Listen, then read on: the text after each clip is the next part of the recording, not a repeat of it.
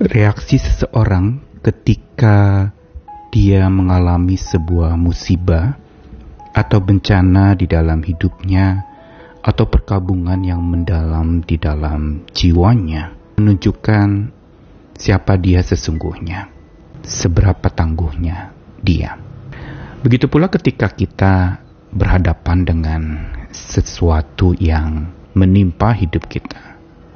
Bisa jadi reaksinya adalah sebuah sikap yang sangat-sangat sulit untuk menerima.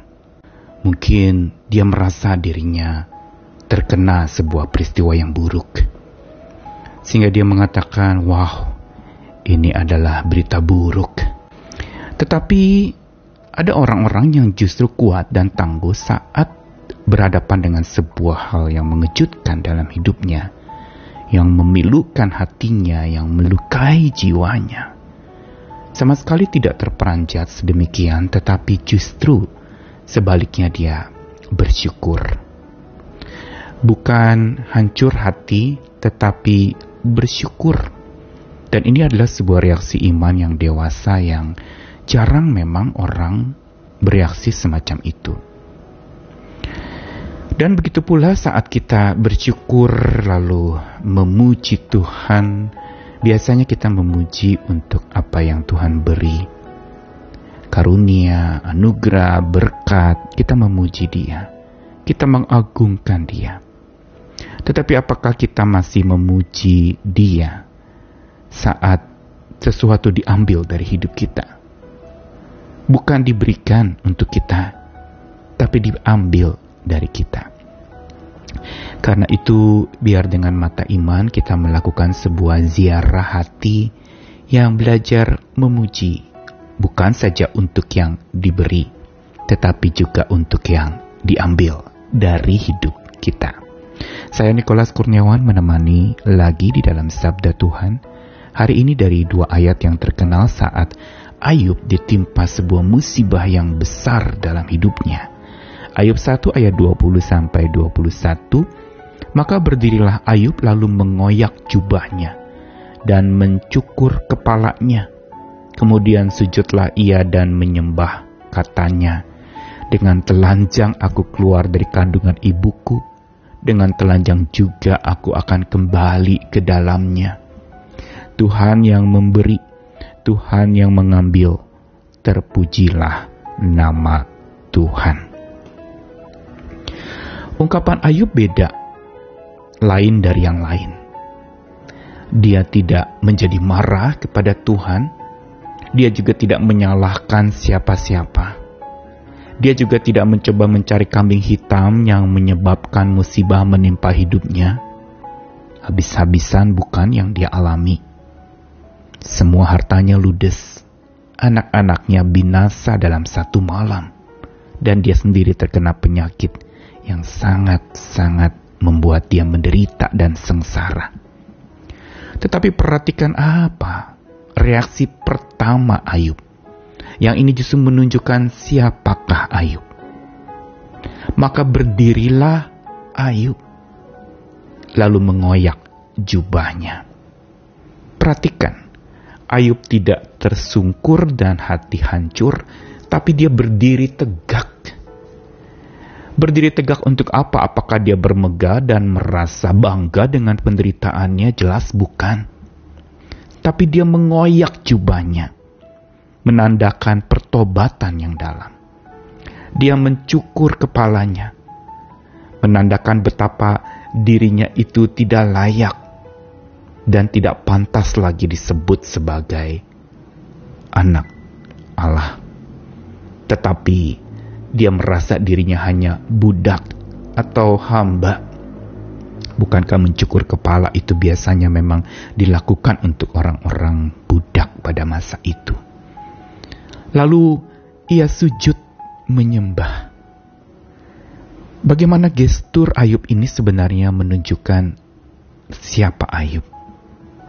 Seorang yang dalam kondisi yang hancur-hancuran dia masih tegak berdiri di hadapan Tuhannya Lalu dia bertobat kepada Tuhannya. dan dia menyadari akan kehancurannya dan dia merasa dirinya tidak layak hanya sebagai budak di hadapan Allah. Dan akhirnya dia mau sujud menyembah kepada Allah. Apa yang Ayub lakukan ini sesungguhnya menunjukkan betapa luar biasanya kesalehan Ayub. Dan kata-katanya makin lagi menegaskan dengan telanjang aku keluar dari kandungan ibuku, dengan telanjang pula aku akan kembali ke dalamnya. Ayub sadar dari mana dia berasal dan bagaimana dia berasal. Dia telanjang dan kembali pun akan telanjang berarti dia tidak punya apa-apa. Datang tidak bawa apa pun dan pulang tidak bawa apa pun. Tak ada yang dia miliki. Kenapa demikian? Karena dia imani dan amini bahwa segala yang ada padanya milik Tuhan. Karenanya muncul sebuah pengakuan imannya yang luar biasa. Tuhan yang memberi, Tuhan yang mengambil, terpujilah nama Tuhan. Sebuah ungkapan yang tidak biasa pada saat itu yang diungkapkan oleh seorang saleh seperti Ayub. Biasanya Tuhan yang memberi, terpujilah nama Tuhan, itu biasa kita dengar. Tapi saat itu Ayub mengatakan Tuhan yang memberi, Tuhan yang mengambil. Terpujilah nama Tuhan. Ayub masih memuji nama Tuhannya saat bukan saja apa yang dia terima dari Tuhan, tapi apa yang diambil daripadanya oleh Tuhan. Ini membuat dia tetap memuji nama Tuhan. Dan kata terpujilah nama Tuhan itu lebih tepat diterjemahkan diberkatilah nama Tuhan dan terpuji ini digunakan kata dari kata dasar berak.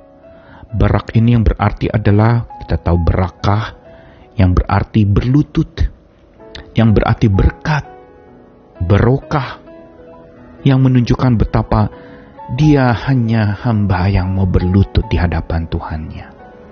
Ini yang menyebabkan Ayub masih bisa memuji Tuhannya untuk apa yang diambil daripadanya. Kesehatannya, harta bendanya, anak-anaknya semua diambil dan perkabungan yang hancur-hancuran terjadi dalam hidupnya. Dan di situlah sebenarnya kita lihat bagaimana kepiawaian iman Ayub dalam ziarahnya di dunia ini yang penuh dengan dinamika dan luka hati yang melanda hidupnya, dia tetap masih memuji nama Tuhan, bukan saja untuk apa yang Tuhan berikan, tapi untuk apa yang Tuhan ambil daripadanya. Dia tidak menyalahkan Tuhan karena dia sadar bahwa segala yang ada itu milik Tuhan. Dia telanjang keluar dari kandungan ibunya dan telanjang pula dia akan kembali kepada Tuhan. Ini mau menegaskan kepada kita betapa iman Ayub luar biasa. Dalam perjalanan ziarah satu kali saya menemukan sebuah kubah di dalam gereja yang itu sebenarnya dibuat sedemikian rupa tampak ada lekukan yang diukir begitu indahnya, tapi kalau diamati dari tegak lurus memandangnya, maka bagian yang cekung itu yang diukir begitu rupa akan tampak justru kalau lihat dari dimensi lain akan menjadi tampak cembung dalam hidup kita. Memang ada cekung iman kita, tapi ada cembungnya. Ada masa di mana kita menerima segala sesuatu, tapi ada masa di mana kita habis-habisan, tidak ada lagi yang ada pada kita. Ada kalanya kita diberikan oleh Tuhan, tapi ada kalanya juga sesuatu atau seseorang, entah yang diambil itu adalah justru rejeki atau orang yang sangat kita kasihi, tapi pertanyaannya masihkah kita mau berkata seperti Ayub, terpujilah nama Tuhan untuk apa yang dia beri, tapi juga untuk apa yang dia ambil. Pelajaran dari kisah Ayub mau mengajarkan kepada setiap kita di dalam cekung dan cembungnya iman kita. Satu yang pantas kita pegang adalah bahwa jangan hanya memuji Tuhan untuk apa yang Tuhan beri, tapi juga untuk apa yang Dia ambil karena segalanya yang ada pada kita itu adalah milik Tuhan. Dialah sang empunya segala. Sekaligus dia juga yang punya rencana di balik apa yang dia beri, sekaligus apa yang dia ambil. Karenanya saat kita menerima sesuatu apa yang Tuhan beri bersyukurlah. Tapi saat ada yang diambil daripada kita, tetaplah bersyukur, bersungkur kepadanya dan puji namanya. Amin.